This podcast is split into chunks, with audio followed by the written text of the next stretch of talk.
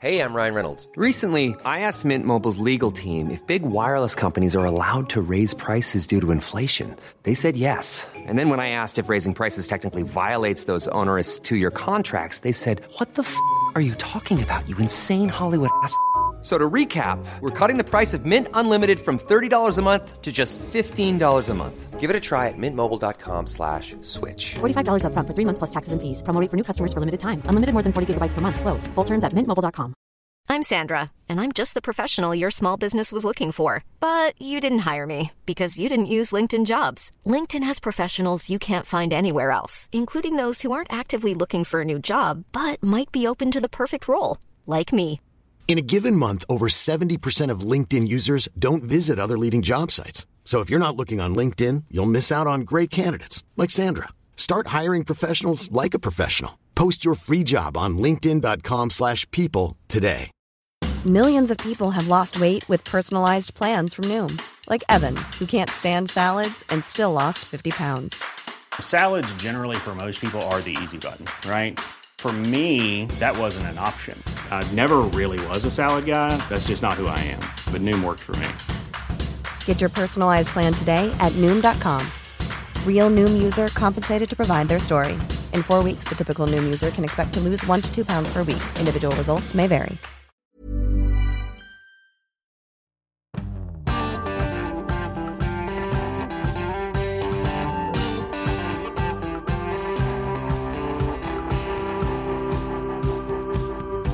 Latteren til dagens gjest er tidligere sammenligna med lyden av alpakkaer som har seksuelt samkvem. Velkommen til eh, ukas eh, Omadressert. Med kropp fullstappa av Paracet og Ibux så lå politisk redaktør Siv Sandvik rett ut på sofaen og så at den ene nye statsråden etter den andre ble presentert på Slottsplassen mandag. Men dagens gjest han ble sittende, og strengt tatt var det vel ikke særlig overraskende. Noen må jo fylle regjeringen med latter. Velkommen, finansminister og Sp-leder Trygve Slagsvold Vedum. Tusen takk for det. Veldig hyggelig å være her. Og jeg må innrømme når NRK et eller annet, Rogalandskontoret hadde en alpakka jeg som ja, da, det var, eh, da kjente jeg sjenansen kom. Men det var morsomt. Det var morsomt. Har du hørt det mye ettertid? Er ikke mye, men innimellom så hører jeg det er litt sånn som går igjen. Ja, men det der fins verre ting. Jeg vet ikke. Verre ting å sammenligne med en alpakka som har sex. Jeg er litt usikker, men det er da sånn det er. Ja, ja. Det kunne jo vært sintstemmen din som ble sammenligna med det. At du var Ja. så sint. Ja, det har vært mye verre. Ja. Helt enig. Takk, Siv. Takk. Velkommen til deg også, kulturkommentator Terje Eidsvåg. Hallo, hallo. Hallo. Uh, vet ikke om du har alpakkasammenligninger å komme med her? Nei, for meg så er det stumpa. Eh, Lektor Tørrdals eh, kraftuttrykk 'du store alpakka', som jo får en litt eh, annen dimensjon etter sammenligna med Trygve her. Ja, jeg, jeg tror vi må over til noe helt annet her nå, Terje. Før vi kommer til å gå helt ut her. Du, mens Arbeiderpartiet kvitta seg med tre statsråder, så bytta Senterpartiet bare ut én statsråd. Betyr det at dere er mer fornøyd med deres statsråder enn Arbeiderpartiet er med sine? Jeg mener at vi har veldig dyktige statsråder både i trønderen Bjørn Arild Gram, som gjør en veldig god jobb som eh, forsvarsminister. Solid og ordentlig og rett mann. Og samfylkingen min Emilie Enger Mehl, som også har hatt en veldig eh, spesiell periode, både Bjørn Arild og Emilie, egentlig. I den perioden etter 22. Ikke etter februar-mars 2022. Men det er dyktige folk, som jeg mener har hatt veldig bra lag. Og så var det da når vi skulle dele Kommunaldepartementet, eh, sånn som vi nå gjør, så mener jeg at det var eh, riktig å liksom tenke, tenke nytt hva som skal være riktig lag inn mot 2025. Og da mener jeg Alexander kommer til å være en eh, dyktig og god, god røst. Og så Nei, nå hadde jeg lyst på å snakke litt pent om alle mine statsråder. Men Kjersti Toppe, som var i Nord-Trøndelag i forrige uke. Og er veldig, vi har mye flinke folk. Ja, det høres veldig bra ut. Men, så det er ikke sånn at dere har bedre folk enn Ap? Det er ikke derfor dere bare tar én og Ap tar tre? Altså, vi har eh, Altså, folka er bra. Det er bra folk i alle partier. Men så har han litt ulike syn. Og jeg syns jeg har et veldig godt, uh, godt eh, lag som, som drar, drar i fellesskap. Og så har vi jo uh, i Senterpartiet var det jo veldig sånn sørgelig at Ola måtte gå. Det var jo ikke noe vi ønska i det hele tatt. Men noen ganger så er politikken sånn. Og, så, og Ola jo, er jo en sånn person han jeg så det sjøl. Og han er ikke noe sånn tullprat og snikksnakk. Da bare trakk han seg med en gang. Ja, Men samtidig, da. Du tok egentlig overgangen her sjøl, som egentlig jeg skulle ta, Trygve. Altså, for det, I et ferskt brev til Stortinget så uttrykker Ola Borten Moe noe tvil om at han var inhabil angående aksjekjøp eh, i bl.a. Kongsberg Gruppa. Og skriver han også til, til Stortinget i brevet at den politiske håndboka slett ikke er så klar når det gjelder regler rundt eh, aksjer og habilitet. Har dere lært opp statsråden litt for dårlig, eller? Altså, Ola er jo Noe av styrken til Ola er jo nettopp at han er, eh, han er liksom trygg på seg sjøl. Og så tør han å reflektere.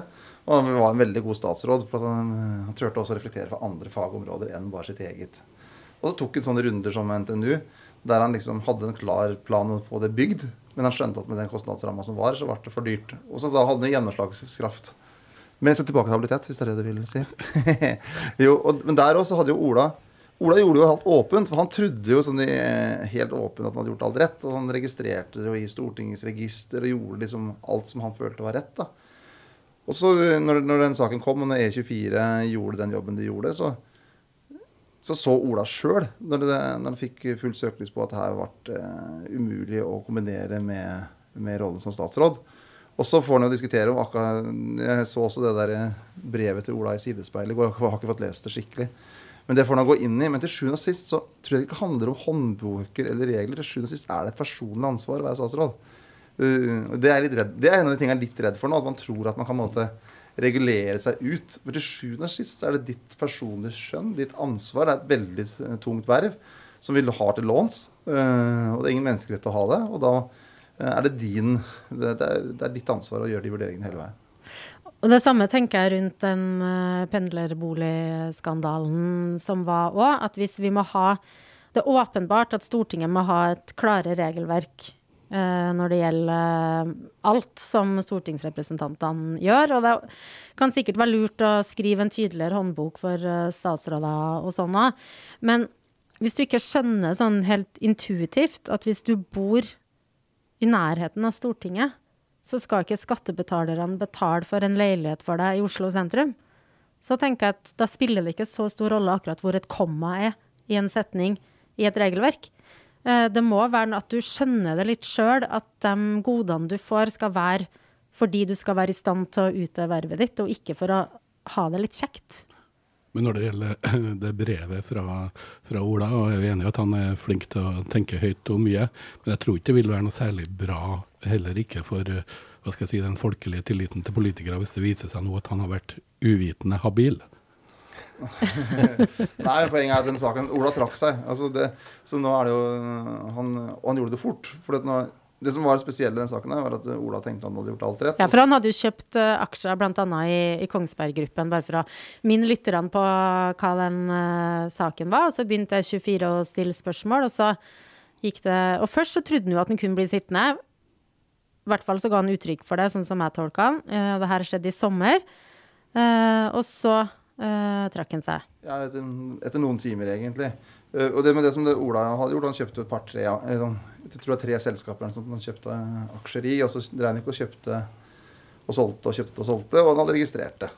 Mm. så det var egentlig ikke noe sånn ja, så Han tenkte at han hadde gjort alt rett. Og så så han sjøl at, at, det her eh, ikke lot seg kombinere med å være statsråd, og trakk han seg eh, raskt. og ikke prøvd å skjule noen ting. egentlig. Det som, det er takket være han sjøl at E24 eh, også fant ut at han hadde sendt inn til Stortingets register.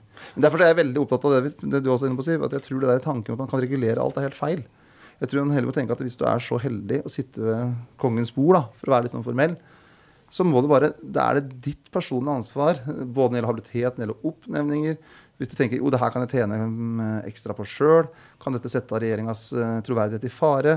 Du har et uh, veldig privilegert rolle en liten periode av livet, og da har du også et større ansvar. Det, det er egentlig ikke um, mulig å regulere seg ut av alt. Og det er litt av vår tid at vi skal ha en revisor som sjekker alt. Til sjuende og sist er det ditt ansvar. Og så er det tillitsverv. Og, og, på mandag så ble det jo kjent at uh, utenriksminister Anniken Huitfeldt eh, også ble erstatta. Eh, hennes mann hadde handla masse aksjer uten at hun visste om det. Litt som Erna Solberg-saken. Men det at Anniken måtte gå, Trygve, betyr det at det er lettere å kritisere Erna Solberg nå? Nei, altså jeg synes alle sånne saker er veldig vanskelige. For det første skal statsministeren få lov til å kommentere hvorfor han tok ut utenriksministeren. Det er hans parti. Så jeg skal være litt forsiktig og tenke høyt om. Det er hans, hans vurderinger. Men jeg syns alle sånne saker er veldig vonde, for det handler jo om personer. Men der syns jeg det har vært noen gode kommentarer. At det handler egentlig ikke om den personlige tilliten til om det er meg eller Anniken eller Ola eller Jonas eller Erna. Det handler jo om den rollen du har. Er de handlingene som du har gjort i samsvar med den rollen? Og at noen ganger så kan den personlige tilliten til enkeltpersoner overskygge at det er faktisk et verv du har. Et, litt du er ikke opphøyd som person, men du har litt opphøyd rolle. Uh, og der, Det syns jeg har vært noe av det mest interessante med mange av de gode kommentarene som har vært skrevet de siste ukene. Der har det blitt veldig bevisstgjort det, både med det ansvarsprinsippet du har som statsråd, men også den ja, hvilken rolle. Så, og da da kan du være veldig glad i personen, du kan synes det er en fantastisk person, men allikevel så kan noen av de handlingene du har gjort, ikke samsvare med at du fortsatt kan ha det samme embetet. Men, men, har det tynga deg som eh, politiker, eh, både som Sp-leder og som finansminister, det som har skjedd de siste månedene rundt dette her? Altså, har, har det gått innpå deg? Ja, det gjør det. For du er jo I Norge så er det faktisk sånn at du, litt, eh, du har litt omsorg for dine politiske motstandere. Heldigvis i Norge så er det litt sånn vennlighet. Og du ser jo at det kan være vanskelig. Men så syns jeg det også har vært noe bra med den runden. For noen ting er sånn der, eh, sosiale medielogikk der det bare er sånn korsfest, korsfest. Men jeg syns spesielt media har skrevet en del gode, reflekterende kronikker. Der du kan måtte lese liksom, ja, Det som kalles ansvarsprinsippet. Jeg har f.eks. ansvar for alt som skjer da i Finansdepartementet. Selv om jeg selvfølgelig ikke kan vite alt som skjer. Men så kan jeg ikke ha en logikk sånn at hvis jeg ikke veit, så har jeg ikke ansvaret. For det vil jo sånn ledelsesmessig skaper helt feil motivasjon. Jeg vil ikke vite noe om det som skjer i den avdelinga. Men, men, men, det som jeg har ansvaret for, er at det, jo, det vil kunne skje feil. Men det jeg har ansvaret for er at hvis jeg oppdager at det skjer feil, så må jeg ta tak i det, rydde opp i det. Kanskje jeg har gjort grep i forkant. Og selv om jeg har gjort grep i forkant, kan fortsatt personer gjøre feil. Men det er, det er ikke at det ikke kan skje feil, det er helt uforenlig med å være statsråd. Men du må liksom huske at du har ansvaret for å prøve å ha best mulig rutiner også i ditt eget hus for at det skjer minst mulig feil framover. Men det er jo det samme som i ei uh, avis Sant? Hvis det slipper gjennom et leserinnlegg eh, hos oss som bryter med Vær varsom-plakaten, fordi også leserinnlegg eh, må følge de etiske reglene eh, ellers. Det kan ikke stå masse faktafeil eh, der. Så er jo det mitt ansvar som politisk redaktør, sjøl om jeg ikke hadde lest det og ikke hadde sant? Det er mitt ansvar. Det er jeg som ikke har uh, eh, passa på bra nok. Du sitter trygt? Ja, foreløpig. Ja, Det gjør også Trygve. Foreløpig, ja, altså, kanskje. Ja, altså, for da må ikke, for må ikke, må ikke helt eh, likestille det ansvarsprinsippet med at det ikke kan skje feil i en stor organisasjon. Men man må jo da tenke gjennom har man rutiner, burde det vært fanga opp? Og noen ganger har man satt i gang prosesser som gjør at kan, eh, du tar tak i det hvis det skal skje igjen. Og det er jo det litt det ansvarsprinsippet som kan framstå veldig sånn teoretisk. Men så skjønner man hvis man ikke har det, så blir det helt umulig. For da kan Siv si nei, jeg visste ikke noe jeg, om at en æreskjelt til naboen sin, eller den type ting. Men, men, det er bare noe av grunnen til også at uh, man har uh, hva skal jeg si, eh, er rikelig belønna med noe som kanskje kan kalles et ansvarstillegg når man sitter i en ledende stilling. og uh, Det kan man vel, det hører vel også hjem når det gjelder akkurat det her ansvaret. Man er, fakt, har faktisk betalt for at man er ansvarlig. Ja, og så har man også betalt på den måten så, at man har muligheten til å være med å forme samfunnet.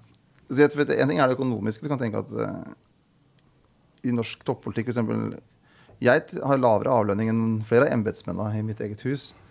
Men du har et enormt privilegium, for du kan være med og legge føringer for det, det landet du bor i. Da, og det landet du er glad i. Så du har et enormt, det er et, En ting er jo penger. det er jo, Du har god lønn og solid og skikkelig. Men du har også da et privilegium som veldig få andre har. At du har fått tillit til å ha det. Så jeg tror noen ganger at Det synes jeg har vært noe av det fine med denne debatten. her, At den kanskje har løfta litt opp at det, Husk at vi har noen roller i samfunnet som ikke personen er opphøyd, men rollen eh, mm. er litt annerledes. Og da må det være litt andre krav rundt den. Og, er, eh, og så er det bra i Norge at vi er, vi er liksom tydelige hvis vi opplever at folk eh, er i faresonen for å berike seg sjøl. Og det ligger litt i den norske sjela. Det tror jeg egentlig er noe sunt. da. I mange andre land så er det helt motsatt. Du, jeg merker hvis jeg er ute og reiser. Hvis jeg er ute og reiser, må jeg ikke si en plasser at jeg er toppolitiker, for da tror du at du er steinrik. For det er jo korrupt. og er, altså, Hvis du er finansminister, så tenker folk at du har med deg 20 millioner kroner, og det er full pakke. Ja, har, du, har, du, hørt det? Jo, men det er sant. Ja. ja hvis du drar liksom mange steder, så tror folk at du er veldig, veldig, veldig rik. Og, ja, og det er helt annerledes. Syns du tips er veldig dårlig for å være så rik? Ja, det er nesten litt slitsomt. Det, er, det er ikke det jeg ikke så, men det er Italia for eksempel, nå i sommer på ferie, og så plutselig så finner du ut at jeg er finansminister og tar helt av. Med kaker og alt. Altså det er sånn derre Altså, det er helt annerledes. Så at, uh, vi, du sitter bare og Ja, kom igjen, kom igjen. Ja, Norge, kom igjen. Er, I Norge er vi jo så heldige at det er sånn at uh, vi er veldig likestilte, sammenlignet med det det er i de aller, aller fleste land. Jeg tror nok at den pendlerboligbråket vi har hatt her, i Frankrike f.eks., ser ganske rart ut. For der har de jo sånn sommerhus for statsrådene. Altså der de privilegiene toppolitikere har uh, Ja, ikke så langt unna Norge, er jo helt spinnvill. Ja, det er en helt annen verden, og det skal vi være glad for. Ja, du skulle ønske jeg hatt et lite sommerhus eh, i Italia, eller? Ja, men Der får jeg klare å betale sjøl. Altså, altså, hvis det hadde vært sånn eh, det gamle sommerhuset til Bjørnson i Bjørnson eller et eller annet, som, man, som det norske huset kunne sove der én natt, så hadde det selvfølgelig vært gøy, men jeg er glad vi ikke har det sånn. Ja, det høres bra ut. Eh, vi har tulla mye med latteren din, eh, men én ting som ikke er så veldig mye å le av, er sånn- det er, det er, er den jobben du har. Du la nylig fram et statsbudsjett hvor du da tror at prisene går ned og lønningene går opp. Hvor nervøs er du for at eh, du kan bomme på det? Det der, eh, når vi har en sånn type arena som her, noe av det fine norske systemet er at eh, jeg er jo sjefen for SSB, eh, men jeg kan ikke, når de skal lage sine prognoser som kommer hver måned, så får ikke jeg lov til å vite om den før du får vite om dem. Og det handler om at du skal være helt trygg på at når SSB kommer med sine prognoser, så har ikke jeg vært inne og justert litt, for det er opportunt for dagens eh, regjering.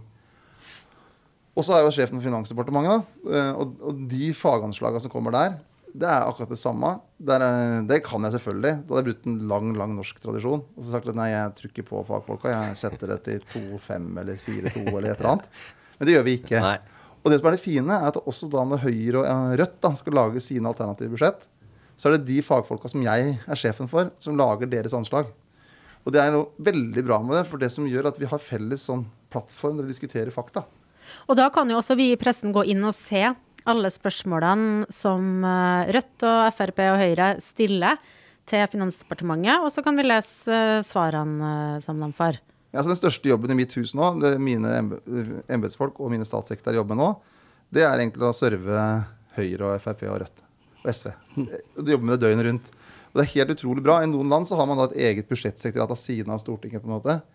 Eh, Mens i Norge da så er det det felles kunnskapsbasen. Og så eh, klarer vi faktisk da å opprettholde litt at, det- at det, tilliten til det. Og så krangler vi heller om det vi er da uenige om, lakseskatter og andre ting. Alle vi hørte jo på det når du la frem eh, statsbudsjettet i år, og det, det gjorde jo vi i fjor også. Ja. Og så humra vi litt uh, når det gjelder Du humra mest, da, Jeg humra mest. Ja. Uh, Hva og det, og det er ikke ment som kritikk, men jeg har en følelse av at du aldri snakker så, i hvert fall i offentligheten, så brei hedmarksdialekt som når du legger frem statsbudsjettet. Er det, er det, er det, er det Prøysen, er det Sigbjørn Johnsen, eller er det, hva er det som ligger Er du klar over det, eller er det ubevisst? Jeg er faktisk litt klar over det, for jeg tror Det er et eller annet med stortingssalen. Jeg føler meg så hjemme i stortingssalen. Så det, det, det er ikke bare altså, det, er, det er liksom jeg, jeg er så glad i hele, den, hele det rommet med eidsvollsmennene som er bak meg, der eh, Stortingets første president snur seg rundt. Og øyet hans er jo bak huet mitt, ser på presidenten, statsministeren, opp på Slottet. Det går en linje fra 1814 og til oss. Så jeg trives der, tror jeg. Så jeg føler meg litt hjemme så, det, det, jeg tror veldig mange finansministre syns den der, der holde finansdagen kan være veldig slitsomt. Men jeg, det er en sånn arena jeg føler Selvfølgelig er jeg ganske nådeløs, da, for det prøver jeg å ta deg du kan. Uh, men jeg tror faktisk det ja, jeg er litt mer hjemme der enn jeg er eh, mange andre plasser. Eh, og Derfor så snakker jeg bredere der enn i et radiostudio, f.eks. Ja, du var jo inne på det nå med hjemme, og nå var, du, nå var du veldig der. Nei, jeg begynte altså jeg, Det er helt håpløst, egentlig. Jeg skulle ønske jeg hadde hatt sånn uh, At jeg bare hadde en dialekt. Men jeg er sånn som hvis jeg snakker med noen som snakker veldig bokmål, så blir jeg veldig bokmål. Så jeg bare justerer og Hvis jeg snakker med noen eldre hjemme som snakker veldig bredt, så sier døtrene mine 'Nå har du snakka med dem', eller det bare Jeg vet ikke hvorfor det er sånn. jeg. De hører hvem du har vært og snakka med. Ja, nesten ikke det skifter.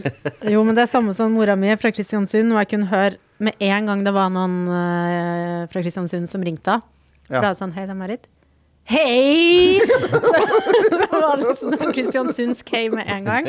Og da jeg på um, Marienlyst NRK og, og prata med en trønder, så bare lo alle kollegaene mine da jeg la på, fordi de bare Var en trønder nå? For da ble jeg mye bredere uten at jeg gjorde det bevisst, da. Ja, nei, det er Eller jo, sånn- noen gang gjorde jeg det bevisst. Ja. Men jeg syns det er ganske fantastisk. da. Altså, endelig har jeg sittet i det studioet ganske, ja, i flere år nå. Uh, endelig så har vi en hedmarking ved siden av meg her. Ja, det, er- det er jeg veldig glad for, Trygve. Ja, det er veldig, veldig bra. Ja. Og det, Men, men, men apropos hedmarking, da. Jeg leser jo ett kapittel i budsjettet ganske nøye hvert år, og det er kulturbudsjettet. Ja. Og I fjor så kom det en sånn opptur her i Trøndelag, for da sto det i budsjettet at man, eh, departementet har eh, innsett at en veldig stor andel av de kulturmidlene til offentlige kulturbygg har gått til Oslo og Bergen. Mm. Og det skulle man prøve å spre. Eh, Ja. og så kom det jo et signal om eh, Olavshallen, og da ble Ja, vi jo glad. Og så den eneste store nye satsinga på det feltet i år, det var jo Domkirkeodden i Hamar. Eh, nettreff, tenkte jeg da. Nabohuset, nabohuset, Trygve. Ja, det, men det blir veldig bra, det. Ja, det, er, Ja, det blir- det er et fantastisk område. Men er det, var, er det et sånn eksempel på helsehemmat, som man sier på eh, Det var jo Anette Trettebergstuen var jo også kulturminister. Da. Ja, og hun var også fra Hvor var hun fra, da? Hamar. Hamar, ja. altså, og det blir det første der vi- legger eh, statsarkiv og museum sammen, så det blir kjempebra. Men husk, Trondheim kommer kjempebra ut av det budsjettet her, da. Og det mener jeg som ikke står så godt der i budsjettet, men som, eh, som står litt på BFD sitt budsjett, det er jo det man gjorde med det der kirkefondet. kirkefondet. Eh, som vi, ja, Ja, ja. Det er jo et enormt. re restaurering og At steinalder- og middelalderkirker. Og som da blir da et evigvarende fond med hovedkontor her i Trondheim. Et evigvarende fond, faktisk. Ja, det er tanken at det skal være først 10 milliarder. eh, 500 millioner hvert år til å bli 10 milliarder. Og så skal da den, det fondet uh, sitte igjen med 10 milliarder etterpå. Og, og de skal få den årlige avkastninga. Så målet er det. Og så var ideen egentlig min at når det skulle være her i Trondheim, at det, når først kommer det til Trøndelag, så kommer det til å forsvare det til evig tid. Så jeg mener, for det var noen i kirka som egentlig heller ville hatt det til Oslo. Så jeg men dere må jo tenke dere om. For hvis vi får det til Trøndelag, så kommer trøndere kommer aldri til å gi fra seg det der når det først kommer. Nei, nei, nei. Og så bygger vi opp Nidaros som uh, kirkehovedstad og uh, eh, Olavsfestdagen og alt det rundt. Så jeg, Så du er klar som æresgjest på Stiklestad i 2030 allerede, du? ja, så synes jeg det. Vi økte bevilgninga til det også. faktisk. Ja, så- så, Det ble økt hvert år fram til 2030. Sikra seg en sånn hedersplass der borte. Imagine the softest sheets you've ever felt. Now imagine them getting even softer over time. That's what you'll feel with Bowl and Branch's organic cotton sheets. In a recent customer survey, 96% replied that Bowl and Branch sheets get softer with every wash. Start getting your best night's sleep in these sheets that get softer and softer for years to come. Try their sheets with a 30-night guarantee. Plus, get 15% off your first order at bowlandbranch.com. Code BUTTERY. Exclusions apply. See site for details. I'm Sandra, and I'm just the professional your small business was looking for. But you didn't hire me because you didn't use LinkedIn jobs. LinkedIn has professionals you can't find anywhere else, including those who aren't actively looking for a new job but might be open to the perfect role, like me.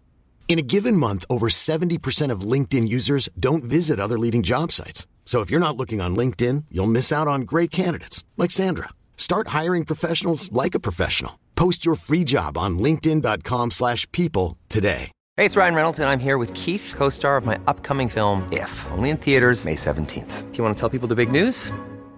Right, I'll do. Sign up now and you'll get unlimited for $15 a month in six months of Paramount Plus Essential Plan on us. Mintmobile.com slash switch. Upfront payment of $45 equivalent to $15 per month. Unlimited over 40 gigabytes per month. Face lower speeds. Videos at 480p. Active Mint customers by 531.24 get six months of Paramount Plus Essential Plan. Auto renews after six months. Offer ends May 31st, 2024. Separate Paramount Plus registration required. Terms and conditions apply if rated PG.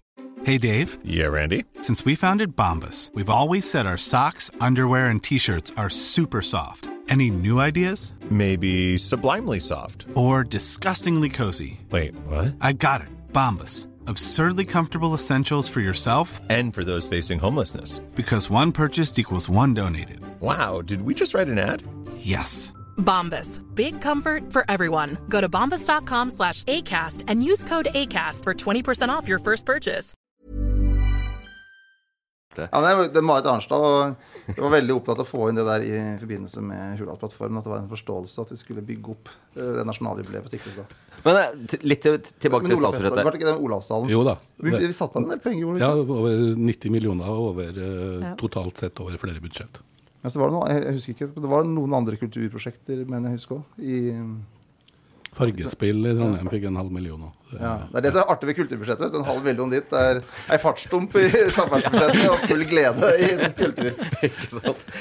Men, men, men samtidig her da, altså, den politikken du legger fram da, gjennom statsbudsjettet, det rammer jo folk direkte. Ja. Eh, hvordan har du det inni deg da du tenker at eh, ok, det her kan gå utover det, det her kan eh, gå utover det? Ja, det er et veldig viktig spørsmål, for det, det sier jeg også til alle som sitter i Når det kommer nyansatte også i departementet, så har jeg en sånn team med de som er nye, altså også embetsfolk. da. Husk at en liten beslutning her kan endre folks liv, så du må alltid se for deg folk. Og så veit du at du vil skuffe folk, men du må aldri bli så profesjonell i gåsehud, at du blir uprofesjonell. For det, politikk handler om mennesker til slutt og sist. Alle beslutninger. Og det, spesielt i innvandringspolitikken så kan du føle veldig på det.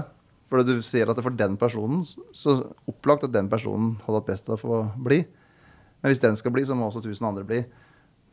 Og da, må, og da går det ikke i hop, da. Og de grensedragningene der syns jeg noen ganger kan være veldig vanskelig, men det er jo det ansvaret vi har, da. Og da må du ha noen sånne grunnprinsipper du står etter. Og jeg, apropos Olafestdagene, så er jeg så glad i et sånt sitat fra Augustin. Eh, kirkefader Augustin. Det er jo ting som står seg over tid. Og, hadde, og jeg har skrevet om til meg sjøl, og der er det fasthet i det perifere. Rom, sånn, sånn, hva er viktig?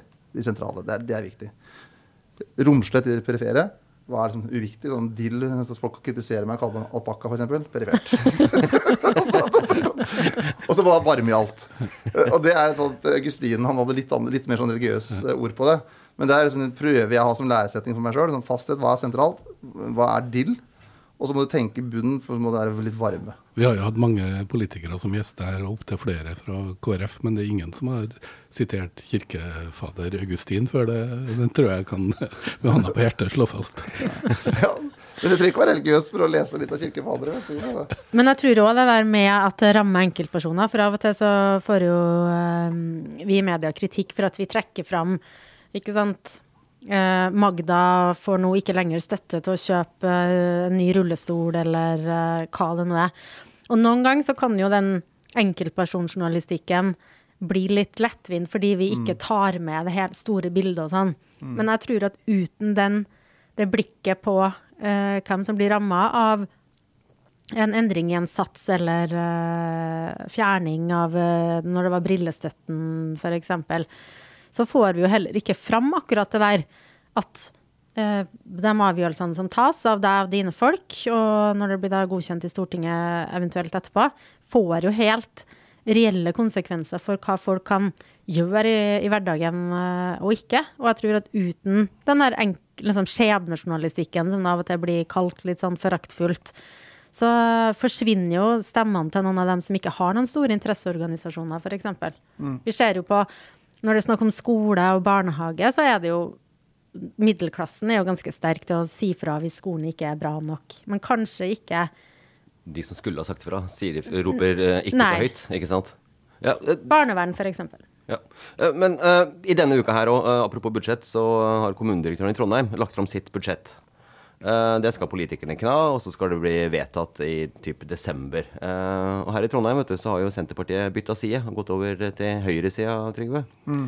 Er det noe som dere har lyst til å ta med nasjonalt? Ja, det, her konstitueringen i det valget her jeg, Det er ikke sikkert jeg har helt objektivt blikk, men jeg har aldri sett så mye forskjellige konstitueringer rundt omkring i norske kommuner som jeg har gjort det valget her. Og det går så på kryss og tvers. Ja, I Eh, Steinkjer er jo Ap og Høyre sammen. Ja, og i mot Ring- Senterpartiet. Ja da. Og så var det et av de tingene jeg ble mest glad for i mitt eget valgdistrikt Hedmark, var at vi fikk eh, ordføreren i Ringsaker, Senterpartiet. Men så ble det, um, Arbeiderpartiet ble så sure at vi fikk ordføreren, så de ringte til Høyre og spurte kan ikke dere få ordføreren istedenfor. Så det har vært veldig mye sånn. Så jeg tror det er veldig skummelt å tenke at pga. i noen fylker så det, så det har, det har ikke noe rikspolitisk overslag i utgangspunktet, for det, det går så på kryss og tvers. Men og, også og, på- mer, og mer enn før. Men også på fylket eh, så har jo Thomas Iver Hallheim klart å bli eh, fylkesordfører. Han er senterpartist. Med meget lav opp Meget oppslut- eh, oppslutning. dårlig oppslutning. Eh, I hvert fall sammenligna med forrige valg. Eh, vi har sammen, samarbeid eh, med høyresida og bryter eh, et langt eh, samarbeid med Arbeiderpartiet. Og Hallheim i hvert fall mener at den modellen, altså at Senterpartiet samarbeider med den borgerlige, heller ikke er utenkelig eh, nasjonalt. Men det er litt sånn eksempel på hvordan ting kan bli dratt litt ut av sin sammenheng. Da. For han uh, sa der, tror jeg, på Arendalsuka Mm, I was there. Ja, sånn langt, langt fram i tida mulig, liksom. Så det var ikke noe sånn Han, har jo, han er veldig for den Senterparti-Arbeiderparti-regjeringa vi har i dag, eh, nasjonalt.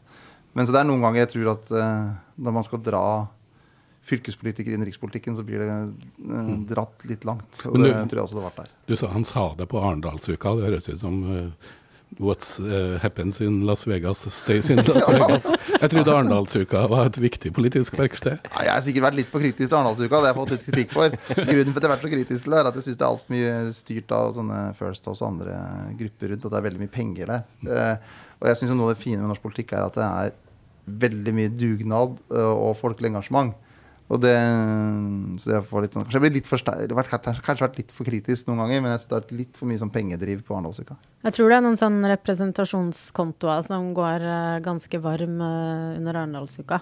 Ja, litt for mye, syns jeg. Og, da, og så er det et sånn sjikt rundt politikken, som egentlig ikke er politikk, men som tjener ganske godt på liksom å drive noen lobbyvirksomhet og alt det der. Og, det er, og den næringa der vokser, og de skaper egentlig ingen reelle verdier. Skal hatt en egen stangeuke. Jo, men det har vi jo. Kønnbandfestivalen er nå til helga. Hva slags band er det som spiller her? Nei, det er et bra band. Det er, eh, Kønnband, det er noe helt annet. Kønnbandfestivalen. Hva er kønnband? Korn? Kornband? Kornband, ja. Korn. Skal Kønnekk. med, med dialekt eh, og forvirring. Eller det var ikke dialekt engang, det var vårt andre språk, eh, nynorsk. Eh, så var det snakk om at eh, i Polen eh, så var det så mye um... Nå er jeg spent. Det er å jo, en toppsak på NRK uh, om at uh, de dro, for og gravde opp ulovlig kål. Uh, og at det var litt farlig med all den kålen som de for og gravde opp. Og så tenkte jeg jøsse nå. Nå er det harde tider i, i Polen. Fordi de er så sultne at de får grave opp ulovlig kål. Og hvorfor er den farlig? Og det var veldig mange spørsmål på morgenskvisten der. Men så var det jo nynorsk, så det var jo kull. Å, litt trøtt, litt Ja, men, det på men nå må vi jo hylle nynorsken nå. Det er jo Nobelpris og Jon Fosse og alt mulig. Ja. Samme med kveite. Kveiteprisen. Ja. Krigen i Ukraina fører til skyhøy kveitepris. Og første gangen jeg hørte det, tenkte jeg jøss, den krigen her har veldig mange konsekvenser. Det var ikke fisken, da. Nei. Nei, det var ikke det. Ok, Ja, men det- Har du mer er dialektforvirring? Er du, du er ferdig med det? Ja. Ja men det Men hvis høres jeg, bra hvis jeg kan få ta en liten Ja, ja. eh, videre, og det handler egentlig om eh, Nå tilbake som finansminister og krigen i Ukraina. Litt sånn Litt, litt viktigere ting, ja. ja. Nei, men det, at det, som, det som det egentlig siste året har vist, er at vi har, i Norge har hatt så mye penger hele tiden. Så vi har tenkt at det, med penger løser vi alt. Men det det siste året har vist, er at det handler veldig mye om realressurser. Og det vi egentlig gjør i et statsbudsjett, er å styre hvor skal vi bruke folka våre, bruke ressursene. Og det vi har sett de siste året, er jo at f.eks. mat har blitt, blitt, brukt som et middel i krig. Energi har blitt brukt som middel i krig. I Norge så ser vi at vi mangler en del folk. Altså Det hjelper ikke om jeg bare sier at vi skal ha mer penger til et område alltid, for vi har ikke folk til å gjøre jobben. Så det som har vært, blitt tydeliggjort mer, at det, altså basisen for økonomien og penger er jo egentlig hvor skal vi bruke deg og meg, og hva skal vi gjøre? Og det har blitt mye mer tilbake, back to basic de siste par åra. Ja, men- Litt mer alvor, men det er også den, det er den tida vi styrer i. Ja, for det, du ser her nå, um, Administrasjonen her i Trondheim har nå med forslaget til sitt budsjett da, eh, det blir harde, harde kutt i skole og barnehage. Og De penga går da til helse og omsorg og eldre. Eh, er det et slags frampek på at vi må forberede oss til dette, at det blir mindre til unga fordi eldre trenger mer og krever mer?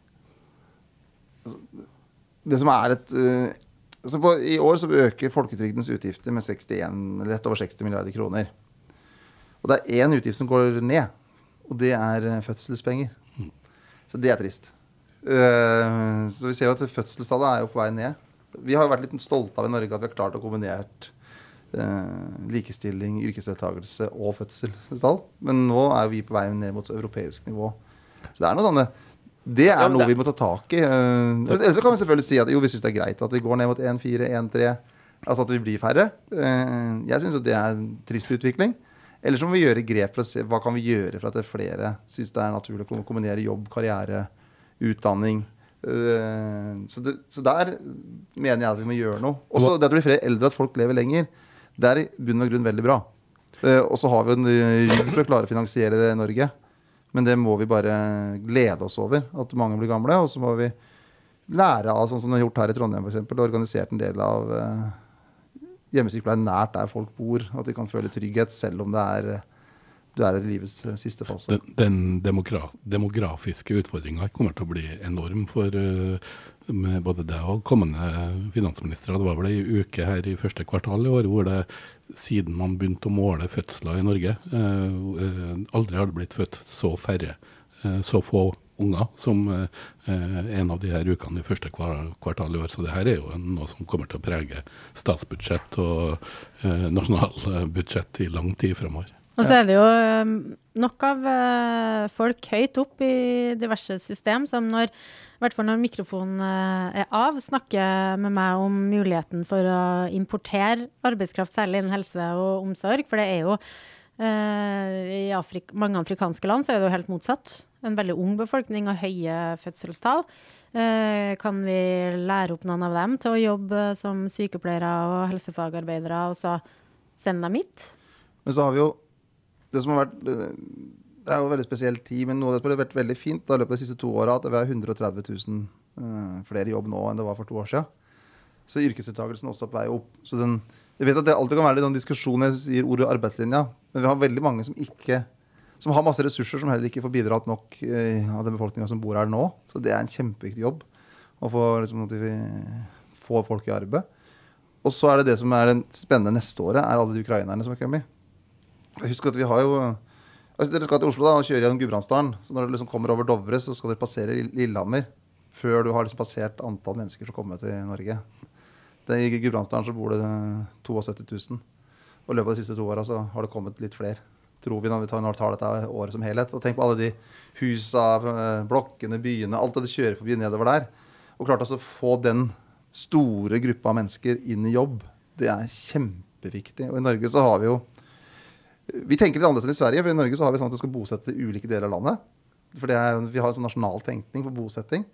Og så har vi også noen språkprogram og introduksjonsprogram. Men det er nå, først nå vi ser om vi lykkes med å få ukrainere inn i arbeidslivet. Og det er kjempeviktig at vi klarer å få den gruppa av folk inn i, i arbeid, ikke i en slags mottakerrolle. Uh, vi begynner å nærme oss slutten, Trygve. Vi vet at du er en travel mann, uh, selvfølgelig. Uh, men helt til slutt her, og så bare ta litt tilbake til tida til, eh, til tidlig 2020. Mm. Hvor du og Senterpartiet og flere snakker om at bensinprisene og fossil, altså prisene ikke skulle over 20 kroner. Det var veldig, veldig mye snakk om det, ikke sant. Det var jo det rist på huet her nå, men det, det, det, var jo det. Ja, Det vi sa, var at vi ikke skulle øke avgiftene. Eller Marit, Det er på en måte litt komisk, for det er et intervju som Marit Arnstad hadde. Hun er jo den mest Og så har du fått skylda for hele opplegget? Nei, nei, nei, ikke henne. nei, det var ikke så for fra ansvaret. Men det er litt morsomt, for det mest tabloide sitatet som blir brukt i den sammenhengen, er fra Marit Arnstad. Og Marit Arnstad er alt annet enn tabloid. og det var, det var, der, det var der det kom, var der det kom den 20-kronerssaken. For hun sa at vi skal ikke øke avgiftene på en måte som gjør at det eh, ja, men det som er spørsmålet mitt, er kommer vi noen gang under å få se det her sånn jevnlig? Kommer Senterpartiet eh, til å få rett, at vi ikke kommer dit vi er nå? Nei, altså, Eller er vi på en måte bare må erkjenne at sånn er det blitt? Sånn er det. Altså, faktum er jo at avgiftene har gått litt ned i den perioden vi har styrt. Jo, men, men, men, men, bare for sagt ja. det, så, så avgiftene er på sånn fem-seks kroner. Det er det som liksom er avgiftsbiten. Og grunnen for at det har økt så mye nå, er jo ikke grunnet, det er pga. storpolitikk og krig. Det er det som gjør at det har økt. Det, jeg visste at du kom med det svaret, egentlig, men jeg måtte bare stille det spørsmålet. Ja, nei, det, og den, de økte prisene generelt da, er, jo, er, jo, det som har skapt masse problemer. og derfor så er Når vi jobber med den økonomiske politikken, så er det jo å få prisveksten ned. da. Både på energi, eller om det er mat, eller om det er varer generelt. Så klare å få dempa den prisveksten, for det er det som skaper så mye problemer for folk. Har du tro på at eh, om ett år at det er billigere for eh, nordmenn å leve? Ja, vår vurdering i, eh, i eh, statsbudsjettet er at prisveksten skal, har vært liksom over det høyeste på, inn i roligere faser. Det er også SSB og det er Norges Bank sin vurdering. Så la jeg fram budsjettet på fredag, og på lørdag så starta krigen i Israel. Så det, det, er mye sånn ting som påvirker oss utenfra. Men fortsatt så er vurderinga at vi går inn i en fase med lavere, lavere prisvekst. Men klart, f.eks. en storkonflikt i Midtøsten vil jo påvirke oljeprisen. Men vi både håper, og der tror jeg vi også skal be litt, for at det det, ting roer seg litt ned. Det betyr at du kan ta litt ekstra reker på smørbrød neste år, eh, Eidsvåg? Nei, så det, så det, er spesielt. Og den prisveksttida, det som har vært hovedbekymringa vår, i tillegg til at det er krevende for folk, det er jo høyt ledighet. Og jeg vokste opp på slutten av 80-tallet og husker den der, de fedra som måtte tvangsselge husa i nabolaget. Det var flere som måtte gjøre det. Utrolig røft. Det, så derfor Forrige gang vi hadde en sånn høy periode med prisvekst, så ble det veldig mye armod etterpå vi tror vi kommer til å klare oss bedre nå. At vi kommer oss bedre gjennom. At ting ser lysere ut i år enn i fjor. Og at vi har lav ledighet når denne perioden er over. Og det er veldig bra. Det høres veldig bra ut. Det var jo en positiv avslutning sånn sett, var det ikke det? Ja. Eller du tror ikke helt Jo, på det? jo, jo, jo, jo, jeg håper jo at det stemmer. Jeg bare Nå gikk hodet mitt rett til storkrig i, i, i Midtøsten. Men eh, det får vi ta en annen gang. Ja, vi skal ikke dit nå. Da hadde vi en litt, litt sånn positiv avslutning. Ja, jeg skal prøve, jeg skal oss prøve. ned igjen. Ja. Men det, før vi avslutter helt her, så har jo Terje har jo en uh, anbefaling. Uh, ettersom vi har Trygve her, er det noe Ja, kan- øh, faktisk. Jeg tenkte å anbefale en film som kosta to milliarder kroner. Og er verdt hvert øre. Eh, Jeg vil påstå at det kanskje den beste amerikanske filmen i høst, som har premiere i helga. Uh, Heter for uh, 'Killers of the uh, Flower Moon'. Det er den siste filmen til Martin Scorsese med bl.a. Robert De Niro og Leonardo DiCaprio. Og den er basert på en sann historie fra USA for 100 år siden. Om urbefolkning og majoritet, kamp om naturressurser. Høres kanskje litt aktuelt ut i, i våre dager òg, men det her er eh, rett og slett eh, en helt utrolig historie. Eh, Osag-stammen eh, ble jagd oppover i Oklahoma utover 1800-tallet. De endte opp i et område som ingen trodde var noe verdt, og så fant de olje der. Og da ble de verdens rikeste urbefolkningssamfunn med biler og eh, Men så begynte de, begynte eh, særlig kvinner som eh, hadde rettighet eiendom der. De gifta seg med, med hvite menn, og så døde de én etter én. Og det var en sånn serie med drap som gjorde at faktisk FBI ble oppretta.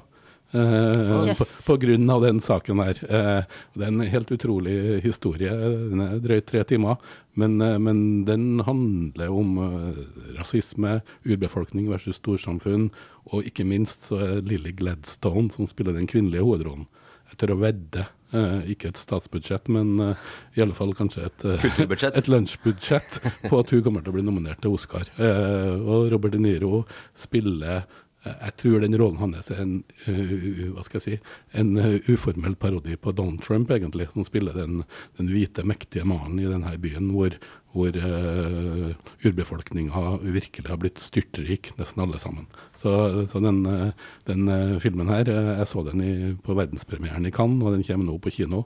Og, og eh, ja, det er bare å glede seg. Den, da, da skal jeg se den. Kan jeg få lov til å komme med et boktips òg? Ja, ja, gjør det, gjør det, gjør det. På slutten. For det har blitt gitt, det gitt opp en, gitt ut biografi om Katja Anker Møller eh, av Hege Duckert. Jeg, den, jeg har ikke fått lest den, men eh, jeg har lest den forrige biografien om Katja Anker Møller. Og har hørt også et kåseri med forfatteren her for et par uker siden. Den anbefaler på det sterkeste. For er, eh, hun har vært helt definerende for eh, norsk familiepolitikk og synet på barn og barnevern og foreldrerett. og Utrolig spennende person, som også hadde da med Johan Castberg eh, og Castbergske barnelover, og også eierskap i norske naturressurser. Så da er det mitt boktips til dere. Jeg har kjøpt den, og jeg gleder meg til å begynne på biografi nummer to om Katja Anker Møller. Augustin og Katja Anke Møller, jeg må si at du overrasker i dag, eh, herr finansminister. Ja, men så får vi ta, får- får vi ta skråpanatta etterpå. Du, det her lar vi jo faktisk være det siste. Så gemyttlig stemning i studio lenge siden vi har hatt, Terje. Det smiler og er fornøyd, og livet er bra. Ja, det absolutt. Ja, og Siv er da veldig fornøyd med altså, Vi kan si det, Trygve, at eh, Terje og Siv har en kollega som heter Trygve. Og Siv blander ofte Terje og Trygve. Men i dag tror jeg hun har klart seg bra. Yes! Ja. så bra! Ok, folkens. eh, Neste ukes eh, Omadressert er tilbake. Selvfølgelig neste uke. Vi sier takk til finansminister og Sp-leder Trygve Slagsvold Vedum. Therese Haag, ha en fortreffelig helg. Og Siv Sandvik, bli ordentlig frisk igjen. Yes. Mitt navn er Roy Tommy Bråten. Hei hå.